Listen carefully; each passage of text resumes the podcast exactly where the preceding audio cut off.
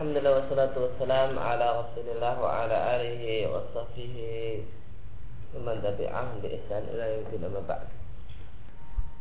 Sedangkan orang yang mendapatkan petunjuk dan petunjuk jika mereka melakukan kebaik, kebajikan maka mereka mengakui adanya nikmat Allah pada diri mereka dengan perbuatan kebajikan tersebut. Dan Allah lah yang nikmat pada mereka dan Allah lah yang menjadikan mereka sebagai kaum muslimin. Yang menjadikan mereka bisa menegakkan salat dan memberikan ilham kepada mereka untuk bertakwa. Dan tentunya la haula wala quwata illa billah. Fadzala anhum maka hilanglah dari orang-orang yang mendapatkan hidayah bisyuhudil qadri atau bisyuhudil qadri uh, sudut pandang terhadap takbir. Itu menyebabkan hilang dari mereka ujub terhadap amal yang mereka lakukan. Wal manna merasa berjasa terhadap Allah terhadap Islam. Wal ada dan menyakiti orang lain. Dan jika mereka melakukan keburukan mereka memohon ampun kepada Allah dan bertobat kepadanya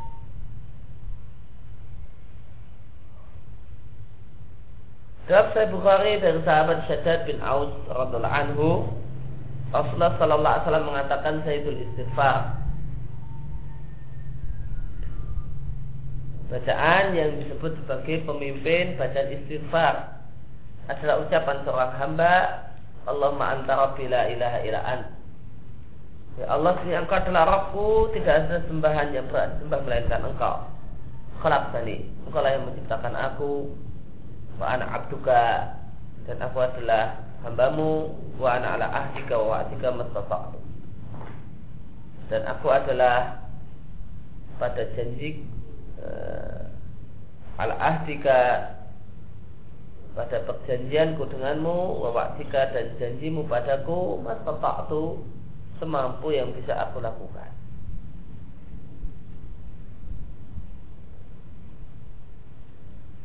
A'udzu bika min syarri ma sunatu.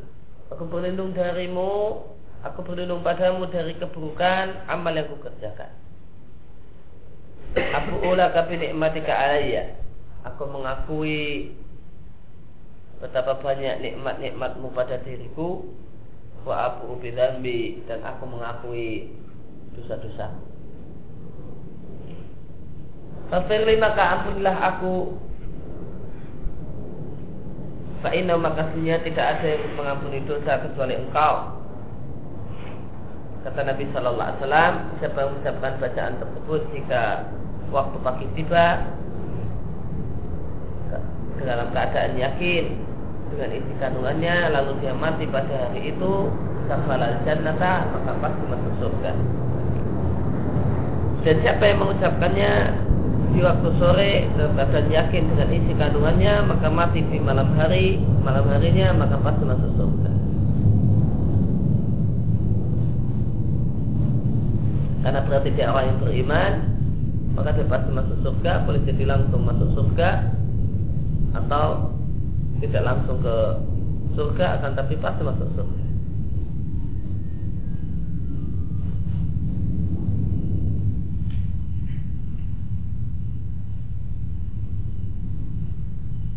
Maka orang yang beriman jika bagaimana beliau katakan jika melakukan kesalahan mereka memohon ampun dan bertobat pada Allah. Wa abu ubi zambi. Dan ketika mereka mendapatkan kebaikan maka mereka mengakui itu adalah nikmat dan karunia Allah Subhanahu wa taala. Abu ulaka bi nikmatika alayya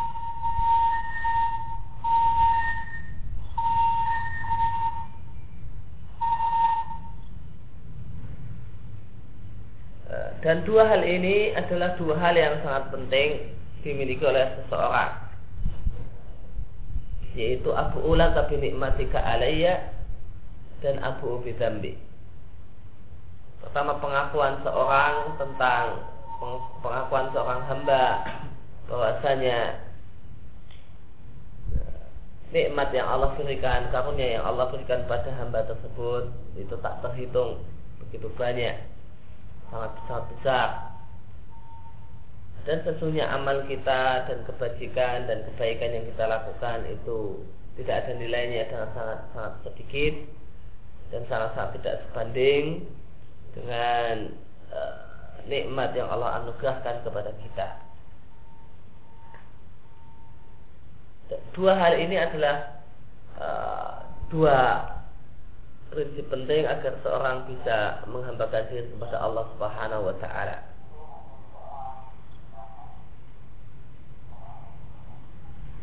Bagaimana dikatakan oleh Syekhul Islam yang dikutip oleh muridnya Ibnu Qayyim di kitab Al-Wabil Sayyid. Syekhul Islam mengatakan bahwa seorang yang arif, seorang yang benar-benar mengenal Allah Subhanahu wa taala atau akan berjalan menuju ridha Allah ya, di antara dua hal. Yang pertama adalah musyahadatun minnah uh, menyaksikan dan sudut pandang uh, melihat betapa besar nikmat yang Allah berikan padanya.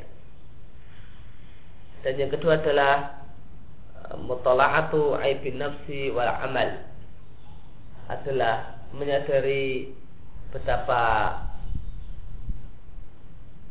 buruk dirinya dan betapa jelek amal perbuatannya.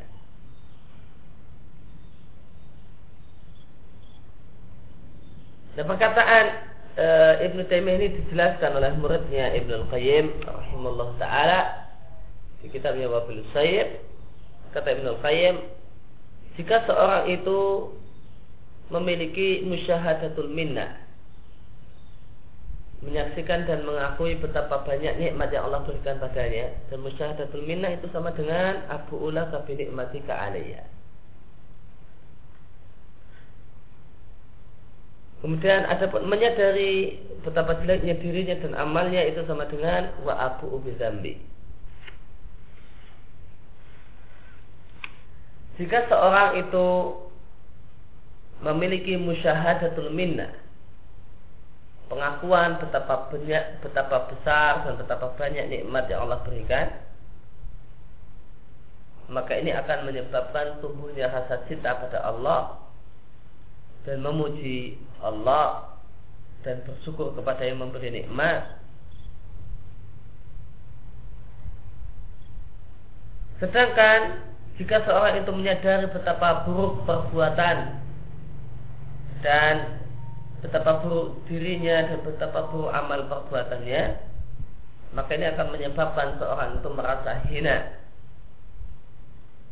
merasa membutuhkan.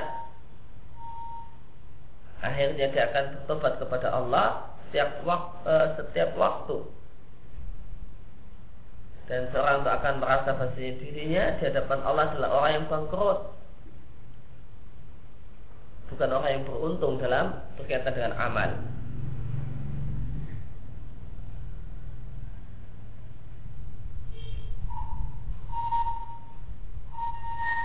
Kemudian kata Ibn Qayyim dan tidak ada jalan menuju Allah yang lebih dekat daripada al-ubudiyah, penghambaan. Dan tidak ada tabir yang lebih tebal menghalangi seorang terhadap dari ridha Allah melebihi daripada ad-da'wah, klaim. Kalau dirinya sudah baik, kalau dirinya sudah Eh, merasa sudah sempurna. Dan seorang itu akan bisa ubudiyah menghambakan diri kepada Allah maka ubudiyah asasnya adalah dua prinsip yaitu hubun kamilun wadilun tamun yaitu rasa cinta yang sempurna pada Allah dan merasa hina zina yang sempurna di hadapan Allah.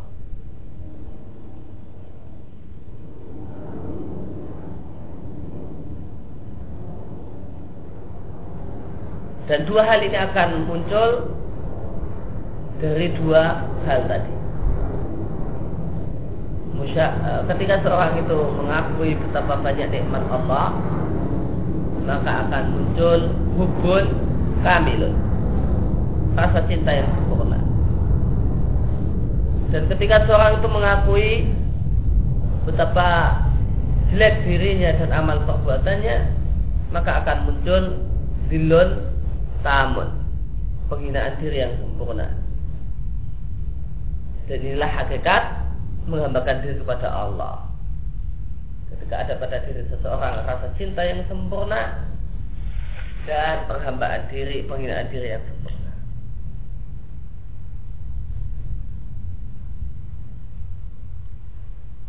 Dan itu hakikat ibadah. Ibadah adalah rasa cinta yang sempurna diri dan penghinaan diri yang sempurna. Ya, seorang itu bisa rasa cinta memiliki rasa cinta yang kepada Allah yang demikian sempurna jika dia memiliki prinsip Abu Ula kabini matika alaiya mengakui betapa banyak dan betapa besar nikmat yang Allah anugerahkan pada dirinya dan seorang itu akan bisa menghinakan diri kepada Allah ketika dia punya prinsip wa abu bizambi mengakui betapa jeleknya dirinya dan betapa jelek amal perbuatannya. Ada orang yang mengklaim bahasanya dirinya telah berbuat baik, ada awak, ya, maka tidak akan menghalangi seorang untuk jadi hamba Allah yang sejati. Kemudian dalam hadis yang sahih dari Abu Dzar radhiyallahu anhu dari Nabi sallallahu alaihi wasallam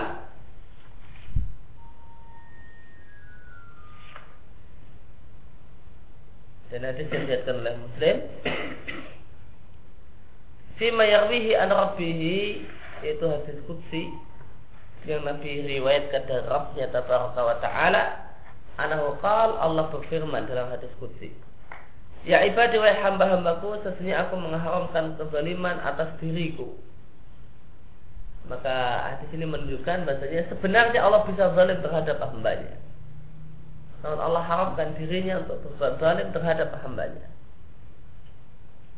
Waja'atu bainakum muharraman fala tadzalamu dan aku tetapkan bahasanya kezaliman itu haram terjadi di tengah-tengah kalian maka janganlah kalian saling menzalimi Wahai hamba-hamba khususnya kalian berbuat dosa di waktu malam dan siang. Dan akulah zat yang mengampuni semua dosa. Yaitu semua dosa yang orang itu pelakunya bertobat darinya. Maka jika apa pun dan apa besar pun dosa yang dilakukan oleh seseorang Jika dia bertobat maka Allah mengampuni semua akan tapi jika dibawa mati maka dosa syirik tidak Allah ampuni. Walau balik dan aku tidak peduli betapa besar betapa besar dosa tersebut. Maka adalah kalian bertobat kepadaku, memohon ampun kepadaku, saya akan aku ampuni.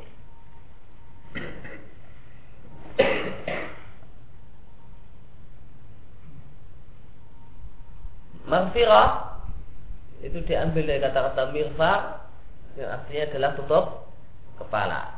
Oleh karena itu, Jamal Muslimin menjelaskan bahasa yang, yang disebut marfirah ya, di banyak tempat di tafsir surat al-Baqarah atau di uh, yang lainnya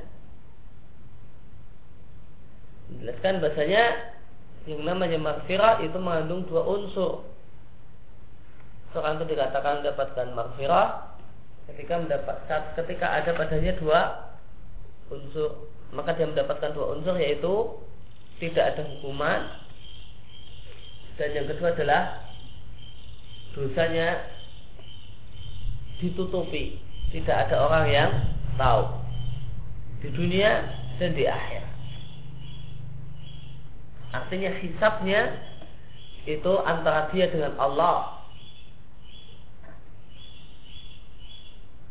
Hisapnya antara dia dengan Allah. Tidak didengar oleh makhluk yang lain. Kata Syaikhul Utsaimin maghfirah yang disebut maghfirah yang kita terjemahkan dengan ampunan Allah itu lebih dari sekedar al-afu. Lebih dari sekedar Allah memaafkan dosa sehingga tidak memberikan hukuman. Akan tapi ada unsur yang kedua selain dosa itu dimaafkan dan tidak ada hukuman yaitu Unsur yang kedua adalah ditutupinya dosa tersebut. Karena maghfirah diambil dari kata-kata mirfar yang artinya adalah tutup kepala yang dipakai oleh seorang tentara ketika terjun di medan perang.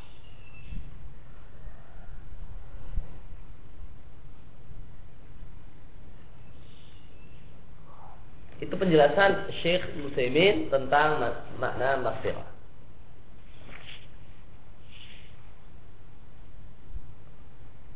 Tapi ada penjelasan yang lain tentang hal ini.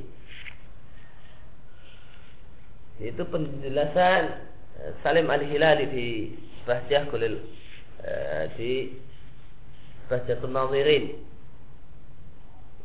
di ketika menjelaskan masalah obat di Riyadus Salihin. Salim Al-Hilali mengatakan dan ketahuilah bahasanya penghapusan dosa itu ada dua macam. Pertama adalah al mahwu penghapusan. Wa bi sayyi'at al hasanata tamhuha. Jika engkau berbuat jelek, dosa, maka ikutilah dengan perbuatan baik, niscaya perbuatan baik menghapus perbuatan jelek. Wahada maqamul afwi. Inilah yang disebut maaf. Mendapatkan maafnya Allah. Ketika perbuatan jeleknya terhapus. Sedangkan yang kedua adalah tabdil. Penggantian. Mengganti perbuatan maksiat dengan kebaikan. Itu firman Allah di surat Al-Furqan ayat yang ke-70. Faulaika yubaddilullahu sayiatin hasanat. Maka mereka ada mereka adalah orang-orang yang Allah ganti amal maksiat mereka karena mereka bertobat diganti dengan amal keburukan. Dan Allah tutup ayat dengan mengatakan wa kana ghafuran dan Allah zat yang memberikan maghfirah rahiman dan maha penyayang. Wahada maqamul maghfirati dan inilah maghfirah. Inilah maghfirah. Oleh karena itu, maka Salim Al-Hilal memberikan definisi al-maghfirah dengan mendefinisikan maghfirah dengan al-maghfiratu hiya as-safhu anizanbi wa tabdiluhu as-safhu anizanbi wa tabdiluhu yang disebut maghfirah adalah dimaafkannya dosa yaitu dengan tidak dihukum dan digantinya perbuatan buruk yang telah dilakukan dengan kebaikan.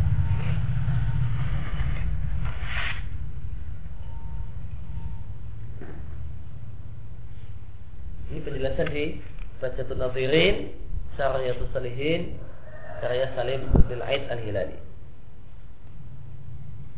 Ya ibadi wa ya hamba-hambaku Semua kalian adalah lapar Kecuali yang aku beri makan. Maka adalah kalian minta makan kepada aku Saya akan aku beri makan kalian. Wahai hamba-hambaku semua kalian adalah telanjang Kecuali yang aku beri pakaian. Maka mintalah pakaian kepada aku Saya aku beri kalian pakaian Wahai hamba-hambaku semua kalian telah sesat kecuali orang yang aku beri hidayah.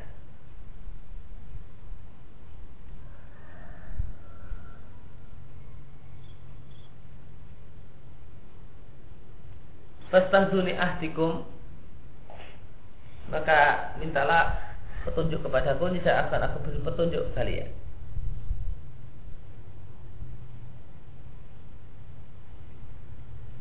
Dan yang dimaksud dengan hambaku di sini, ya ibadi, ya ibadi di sini adalah ubudiyah amma. Karena penghambaan kepada Allah itu ada dua macam. Pertama adalah ubudiyah amma. Hamba Allah yang bersifat umum yaitu semua makhluk Allah, mukmin ataupun kafir. Semuanya adalah hamba Allah yang bersifat umum. Dan yang kedua adalah ubudiyah khasa penghambaan pada Allah yang bersifat khusus semacam ibadah rahman alladzina yamsuna fil ardi hauna ibadah rahman hamba-hamba Allah yang maha penyayang adalah orang-orang yang berjalan di muka bumi dengan penuh ketawaduan nah apa ibadi dalam hadis kudsi ini jawabnya ibadi dalam hadis kudsi ini adalah ubudiyah ammah. Maka contoh ubudiyah ammah adalah hadis ini. Ya ibadi ini haramtu zulma ala nafsi. Wa ja'altu bainakum muharrama fala tazalamu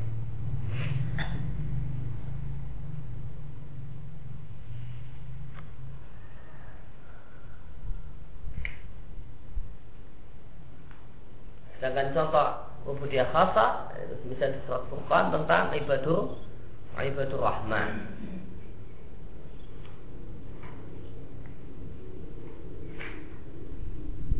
Maka setelah kita tahu bahwa yang dimaksud ibadah di, di sini adalah ubudiyah ammah, maka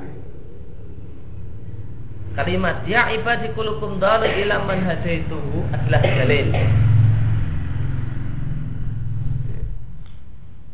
Maka kalimat ya ibadi kulukum dalun ila man hadaituhu adalah dalil al aslu fil insani dolalah.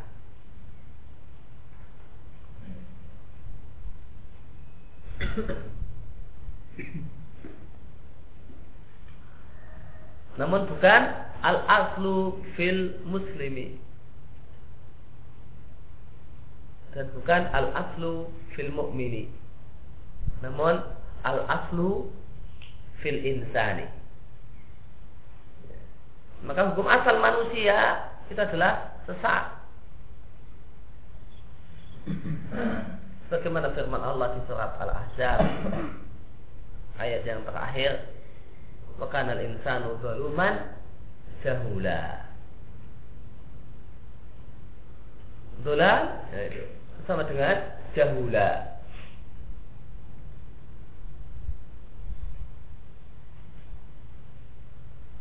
Maka al aslu fil insan ad-dalalah. Dan hanya orang-orang yang Allah beri hidayah yang berada di atas petunjuk. Sedangkan al aslu fil muslim al adalah.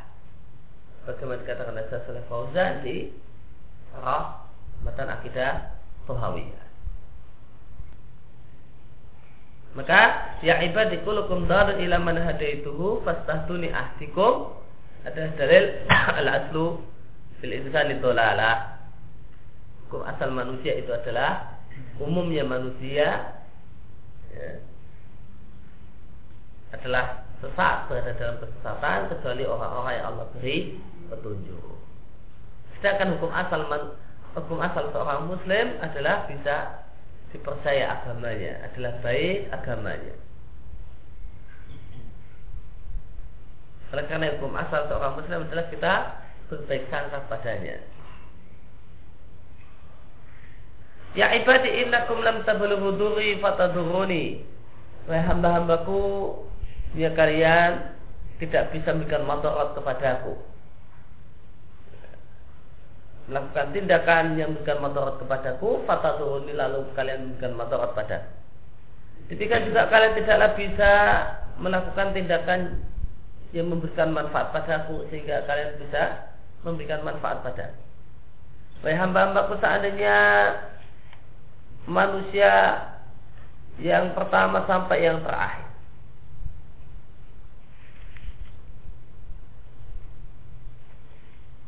Maka wawu di sini bukan waw ya. Waw di sini bermakna ila. Kalau ana awalakum ila akhir ila akhirikum. Seandainya semua kalian dari makhluk yang pertama sampai yang terakhir. Demikian juga baik yang manusia ataupun yang jin semuanya adalah bertakwa adalah makhluk yang paling bertakwa. Bagaimana hati yang paling bertakwa di antara kalian mazada dzalika fil mulki syai'a maka itu tidaklah menambah kerajaanku sedikit pun Wahai hamba-hambaku seandainya semua kalian dari yang pertama sampai yang terakhir yang manusia ataupun yang jin ala afjar qalbi rajulin wahidin adalah ya, di atas hati yang paling jelek dimiliki oleh salah seorang di antara kalian mana kesadari kami mulki syai'a maka itu tidaklah mengurangi kerajaanku sedikit pun. Wahai hamba-hambaku seandainya yang pertama dari kalian sampai yang terakhir yang manusia dan yang jin kumpul fisaidin wahid di tanah lapang yang sama. Semuanya kemudian minta kepadaku lalu aku berikan dan aku kabulkan tiap-tiap orang masalah tahu permohonannya mana qasadalika mimma indi. Maka itu tidaklah mengurangi mimma indi. Perbendaraanku kecuali sebagaimana eh, air laut itu berkurang ketika masuk ke dalamnya sebuah jarum dan dicelupkan satu kali celupan artinya tidak berkurang sama sekali Wahai hamba-hambaku sesungguhnya ini adalah amal-amal kalian usia yang aku catat kemudian akan aku beri balasan secara sempurna. Maka siapa yang menjumpai kebaikan, maka balasan kebaikan, maka adalah dia memuji Allah dan siapa yang menjumpai selain itu maka janganlah dia mencela kecuali dirinya sendiri.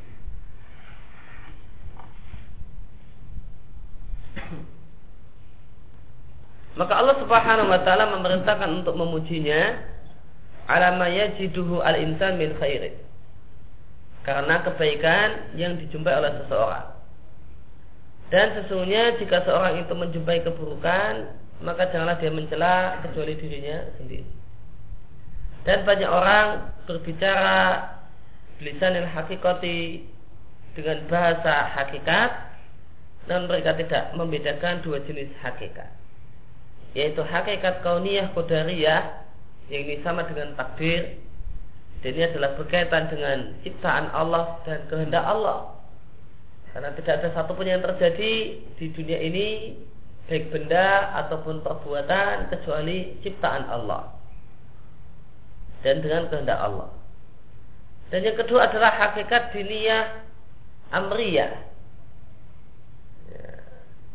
Hakikat keagamaan yang berupa perintah-perintah Allah yang ini berkaitan dengan ridha Allah dan apa saja yang Allah cintai.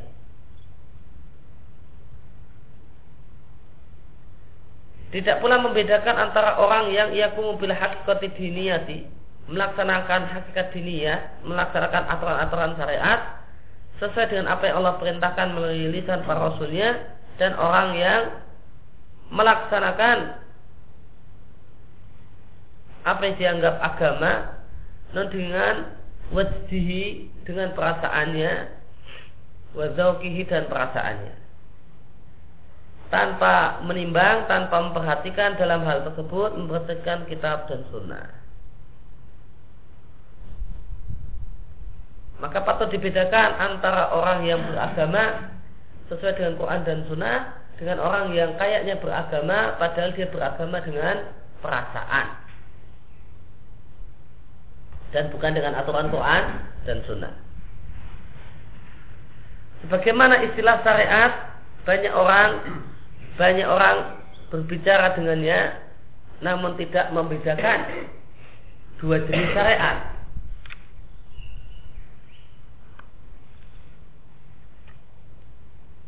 Yang pertama ada uh, asyari al-munazzal. Ada asyara'u al-munazzal adalah ada syariat yang diturunkan, diturunkan dari sisi Allah.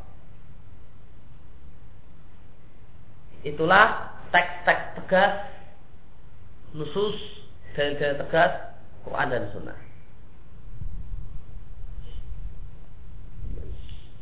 Aqimus sholat wa atu zakat Wajibnya sholat, wajibnya zakat. Wala tukoh zina Dan seterusnya. Maka ini adalah nas-nas tegas dan Quran dan Sunnah. Maka hukum yang terkandung di dalamnya disebut asya'u al-munazzal. Dalil-dalil tegas dalam Quran dan Sunnah yang tidak ada istihad di dalamnya karena ketegasan maknanya dan kandungannya itu disebut asya'u al-munazzal dan inilah yang ba'atallah bi rasulah ajaran yang Allah utus Rasulnya dengan membawanya. Ajaran yang dibawa oleh Rasul itu adalah asya'u al-munazzal.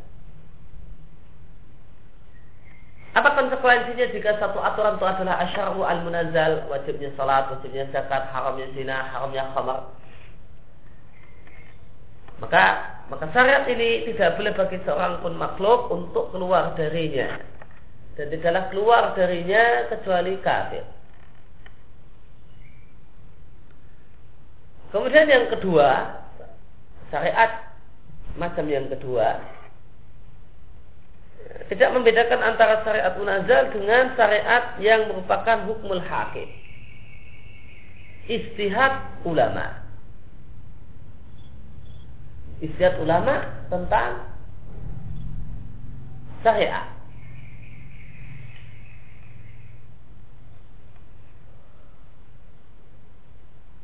Istihad ulama dalam masail istihadiyah. Maka ini disebut ya, asya'u al-mu'awwal. Syariat hasil penafsiran terhadap dalil-dalil yang ada. Dari dalil-dalil yang ada dibuatlah penafsiran dan dibuatlah kesimpulan. Maka di sini ada yang kesimpulannya A, ada yang kesimpulannya B. Saya tentang surat Al-Fatihah berkaitan dengan sholat berjamaah, maka dibuat kesimpulan surat jahriyah makmum wajib baca. Ya. Ada yang buat kesimpulan tidak perlu baca. Ini adalah asya'u al-mu'awwal.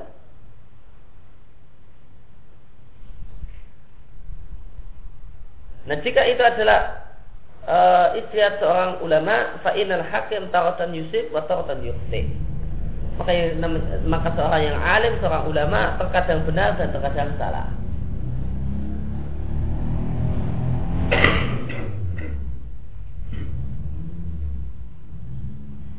Maka seorang tidak boleh ketika dia menjumpai orang lain mengambil pendapat yang berbeda dengan pendapat yang dia pilih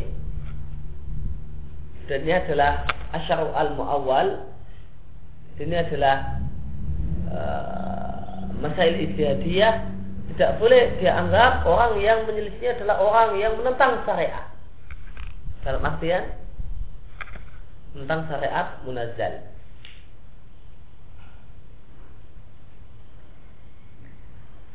karena sebagian orang yang mukallid taklid buta dengan satu pendapat, maka dia menganggap bahwasanya orang yang berbeda mengambil pendapat dengan dia seakan-akan dia adalah menyelisih Islam. Tidak, yang menyelisih Islam dikatakan menyelisih Islam jika dia menyelisih asya'u al-munazal. Ini dikatakan kamu menenti menyelisih Islam, kamu mentang Allah dan Rasulnya.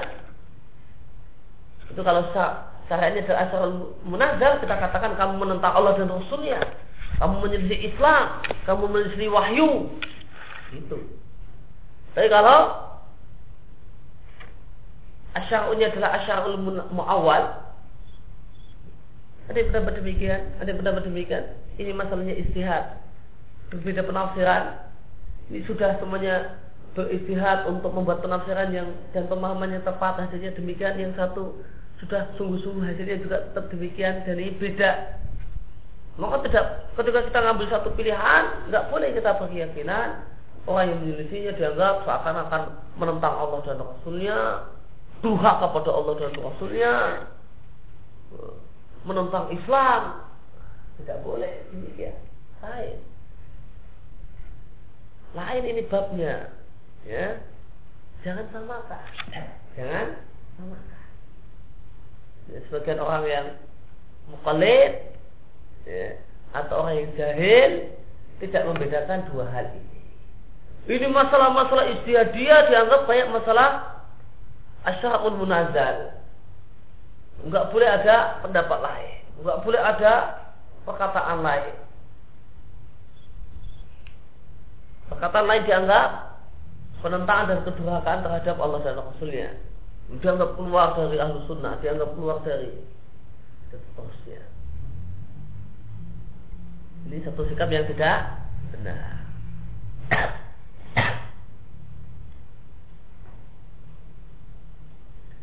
Nah, ulama itu terkadang dalam beristihad terkadang benar dan terkadang salah.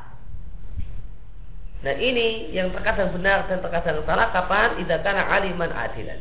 Jika dia adalah seorang yang berilmu dan seorang yang baik agamanya, yang amanah dalam masalah beristihad. Jika tidak, maka semuanya diancam neraka. Dan disebut adilan ketika dia memutuskan hukum sesuai dengan ilmu yang dia ketahui. Ini disebut adil. Nabi Shallallahu Alaihi Wasallam mengatakan bahasanya qadi hakim itu ada tiga jenis. Dua jenis hakim itu masuk neraka dan hanya satu hakim yang masuk surga. Hakim yang Nabi katakan masuk surga adalah orang yang mengetahui kebenaran dan memutuskan perkara sesuai dengan kebenaran, makanya yang di surga. Sedangkan dua jenis hakim yang masuk neraka adalah seorang yang berani memberikan keputusan pada manusia, berani memberi fatwa padahal tidak tahu. Maka meskipun pendapat yang dia sampaikan benar, tetap masuk neraka.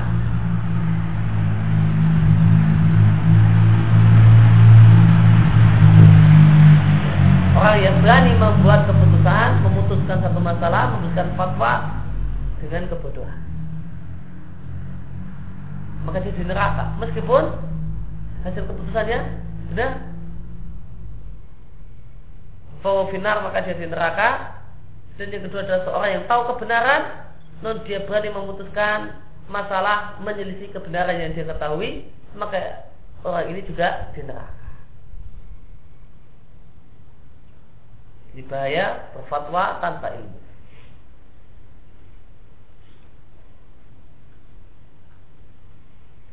Wa afdalul qudha dan qadi yang paling afdal. Wa wa afdalul alimin wa adilin. Dan orang yang paling berilmu yang paling mulia.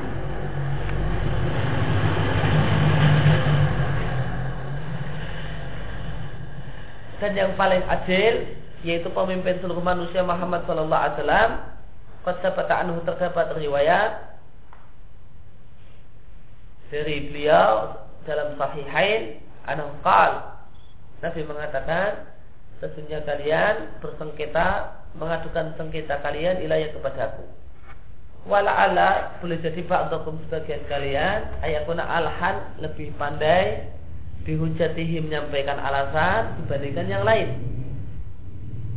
Dan aku hanyalah memutuskan masalah binahwi dengan semisal yang aku dengar. Maka siapa yang aku putuskan baginya, aku tetapkan baginya, ternyata itu adalah hak saudaranya, maka janganlah dia mengambilnya. Karena hanyalah aku potongkan untuknya satu potongan dari api neraka. Maka Sayyidul Khalqi pemimpin seluruh makhluk yaitu Muhammad sallallahu alaihi wasallam memberitakan bahwasanya jika beliau qadha menetapkan sesuatu mimma sami'ahu berdasarkan apa yang dia dengar ternyata fil batin realitas sebenarnya berbeda dengan hal tersebut maka tidak boleh bagi orang yang diberi keputusan untuk mengambil apa yang diputuskan karena itu hanyalah Nabi potongkan untuknya satu kerat dan satu potong dari api neraka.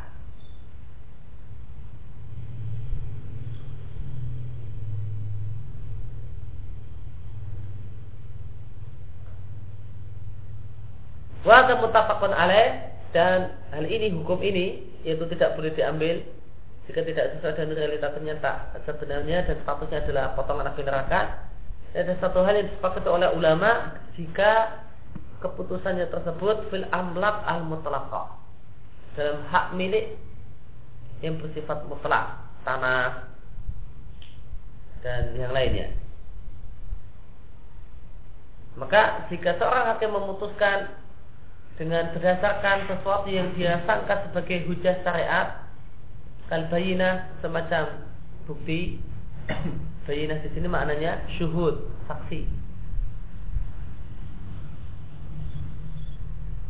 Karena bayinah dalam makna kasir minal fukuha itu maknanya adalah saksi. Meskipun pendapat yang benar bayinah itu adalah semua yang bisa jadi bayinah semua yang bisa jadi bukti di sini mungkin maknanya adalah saksi Kalbaina sebagai makna saksi wal ikrar atau pengakuan.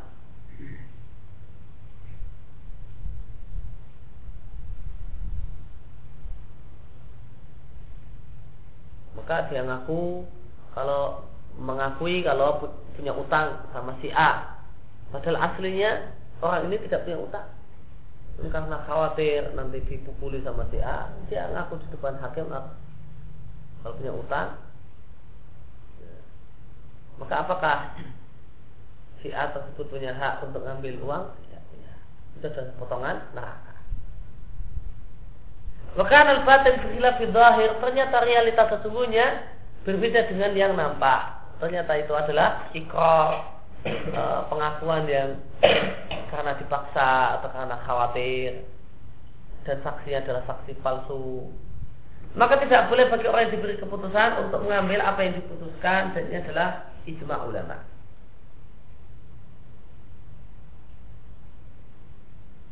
Nah jika hakim itu memutuskan berkaitan dengan masalah akad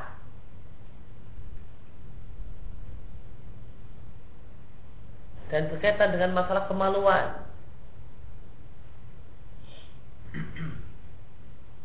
dengan semacam itu yaitu dia putuskan sesuai dengan apa yang didengar padahal realitas sesungguhnya tidak semacam itu. Berdasarkan apa yang dia yang dia dengar eh, maka kesimpulannya adalah belum cerai. Suami istri ini belum cerai. Karena suami mengatakan kalau dia mengucapkan kalimat A pulanglah kamu ke rumah orang tuamu dia katakan di depan hakim niat saya itu jenguk bapaknya. Padahal aslinya dia berniat mencerainya. Maka dengan itu maka telah cerai tiga misalnya. Dan dia ngakunya enggak maka hakim memutuskan ya kamu masih suami istri. Padahal realitanya sudah cerai tiga itu gimana? Apakah berdasarkan keputusan hakim yang mengatakan kamu berdua masih suami istri maka dia boleh hubungan badan dan statusnya suami istri dan bukan zina. Ini berkaitan dengan kemaluan. Maka hakim memutuskan sesuai dengan uh, sesuai dengan fakta yang dia dapatkan. Namun ternyata realitas sesungguhnya tidak semacam itu. Fa'aksar ulama maka mayoritas ulama mengatakan jika dalam masalah kemaluan dan masalah transaksi bukan masalah hak milik ya. maka mayoritas ulama mengatakan inal amr kadari Bahasanya hukumnya sebagaimana hak milik. Hukumnya sebagaimana hak milik. Maka tidak boleh bagi laki-laki ini untuk menyutupi perempuan itu. Dia bukan suami istrinya lagi. Dan cara ketiga dengan kalimat tadi jika jika dia tetap nekat maka statusnya dalam hukum Allah orang ini berzina. Suami istri ini berzina.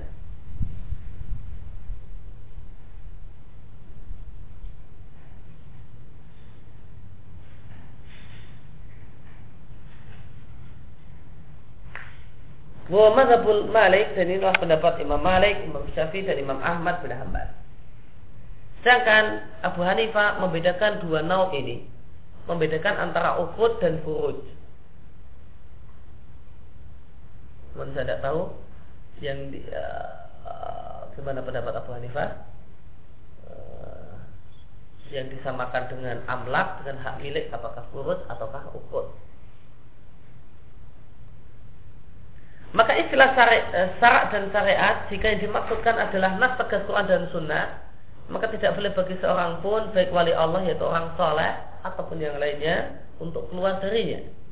Dan siapa yang punya sangkaan bahasanya salah seorang dari wali Allah itu memiliki jalan menuju Allah tanpa itibak dengan Nabi zahir dan batin maka dia tidak mengikuti Nabi zahir dan batin bahwa kafir maka dia adalah orang yang kafir. Dan siapa yang beralasan tentang masalah itu yaitu tidak e, mau e, keluar dari syariat Muhammad dan dia beralasan dengan kisah Musa dengan Khidir maka orang yang beralasan dengan kisah Musa dengan Khidir ini keliru dari dua sisi atau bahkan lebih dari dua sisi sebagaimana dijelaskan oleh Ibnu Katsir di kitabnya Abidayah wa Nihayah. Disampaikan di sana sisi-sisi yang lain menunjukkan kelirunya orang yang beralasan dengan kisah Musa dengan Khidir untuk membenarkan keyakinan sebagian orang-orang sufi yang berkeyakinan bahasanya jika orang telah sampai pada makam tertentu maka tidak punya kewajiban untuk mengikuti syariat Nabi. Jadi di sini uh, menyampaikan dua sisi kelirunya. Yang pertama, Musa itu tidaklah diutus sebagai nabi untuk Khidir. Oleh karena itu tidak ada kewajiban bagi Khidir untuk mengikuti Musa. Karena Nabi Musa itu diutus sebagai nabi untuk Bani Israel dan Khidir bukan Bani Israel. Adapun Muhammad Shallallahu Alaihi Wasallam maka kerasulan Muhammad itu bersifat umum untuk semua dua golongan jin dan manusia, bukan hanya semua manusia, namun semua jin dan manusia. Dan seandainya kerusulan Muhammad Sallallahu Alaihi Wasallam ini dijumpai oleh manusia yang lebih afdal daripada Khidir, semacam Ibrahim Musa dan Isa, maka wajib atas mereka untuk mengikuti syariat Muhammad. Maka bagaimanakah dengan Khidir? Baik menurut pendapat yang mengatakan Khidir itu Nabi ataupun Khidir itu wali.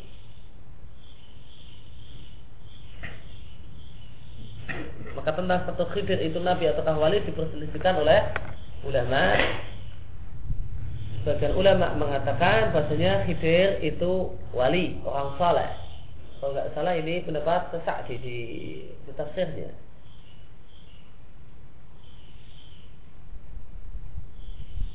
Demikian juga pendapat yang lain mengatakan bahasa Khidir adalah Nabi. Inilah pendapat yang lebih kuat.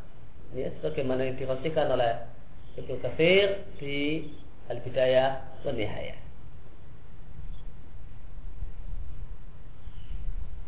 Dan penjelasan Ibnu Katsir ini diringkas oleh Syekh Dr. Umar Sulaiman Asfar di kitab beliau Ar-Rasul Berisalah.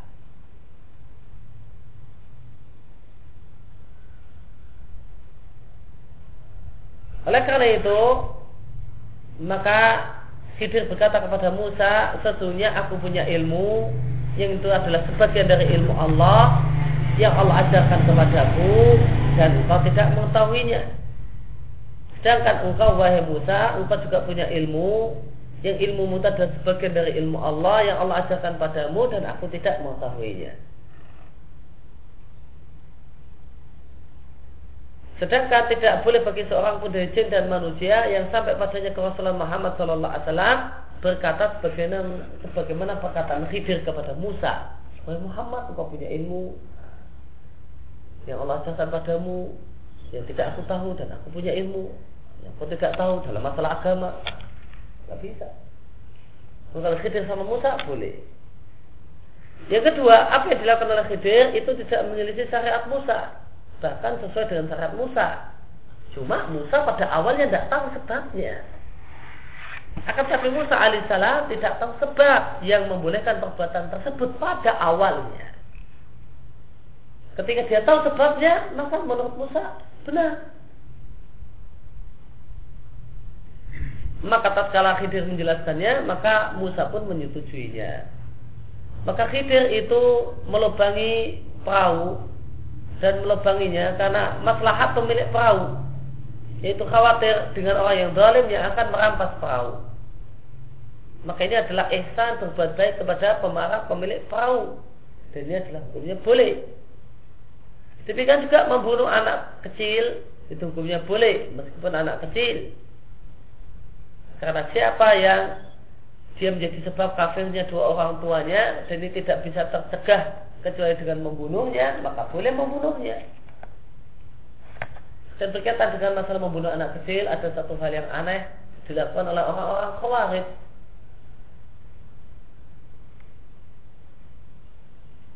Jadi adalah e, pemahaman khawarij sejak masa silam sampai masa sekarang yaitu membolehkan membolehkan membunuh anak-anak kecil. Ya, anak-anak dari orang-orang yang dianggap sebagai orang kafir. Maka khawarij di masa silam di masa yang dijumpai oleh para sahabat berbuat demikian. Nah ada salah seorang khawarij yang berdebat dengan uh, dengan Ibnu Abbas tentang masalah ini. Maka Khawarij itu mengatakan kenapa kalian larang kami untuk membunuh uh, anak-anak uh, kecil? Tidaklah tidaklah yang kami lakukan kecuali sebagaimana yang dilakukan oleh Khidir terhadap anaknya maka dia beralasan dengan Khidir. Beralasan dengan Khidir yang bunuh anak kecil. Maka ini jadikan alasan oleh Khawarij masa silam untuk mengatakan uh, bolehnya membunuh anak kecil.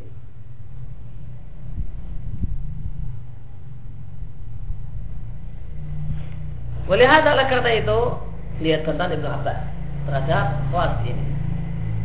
Oleh karena itu maka Ibnu Abbas berkata kepada Najdah seorang tokoh Khawarij Al-Haruri lama sa'alu an kitlul hilman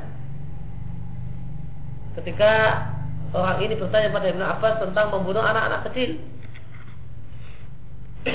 Kemudian dia beralasan kenapa dia dan kawan-kawan yang bunuh anak-anak kecil, dia beralasan dengan perbuatan khidir. Maka dibantah dengan bagus oleh Ibnu Abbas. Abbas mengatakan jika engkau punya ilmu tentang anak-anak tersebut, sebagaimana ilmunya khidir terhadap anak kecil yang dia bunuh, maka bunuhlah anak-anak kecil tersebut maka teman bunuh saja. Kalau kamu punya ilmu sebagaimana ilmunya Khidir. Wa illa jika kamu nggak punya ilmu, ya, maka kamu tidak boleh membunuh mereka. Diatkan oleh Bukhari dalam Sahih. Oh. Di Muhakkik mengatakan tidak diriatkan oleh Bukhari yang benar Muslim. Maka ini contoh uh, perbuatan ahli bidah yang berdalil dengan ayat mutasyabih dan dia gunakan untuk menentang dalil yang muka. Khawarij berdalil dengan perbuatan khidir yang membunuh anak kecil untuk membantah hadis yang tegas mengatakan Nabi melarang dalam peperangan membunuh anak kecil dan perempuan. Maka ditolak hadis yang tegas dengan beralasan dengan ini. Yang ini pun punya banyak makna boleh jadi itu sah umat pebedana boleh jadi ada banyak kemungkinan. Pasal sabda Nabi tegas jelas inilah ciri alil bidah uh, berpegangan dengan dalil yang maknanya tidak jelas untuk membantah dalil yang, yang jelas dan gamblang Wassalamualaikum warahmatullahi wabarakatuh.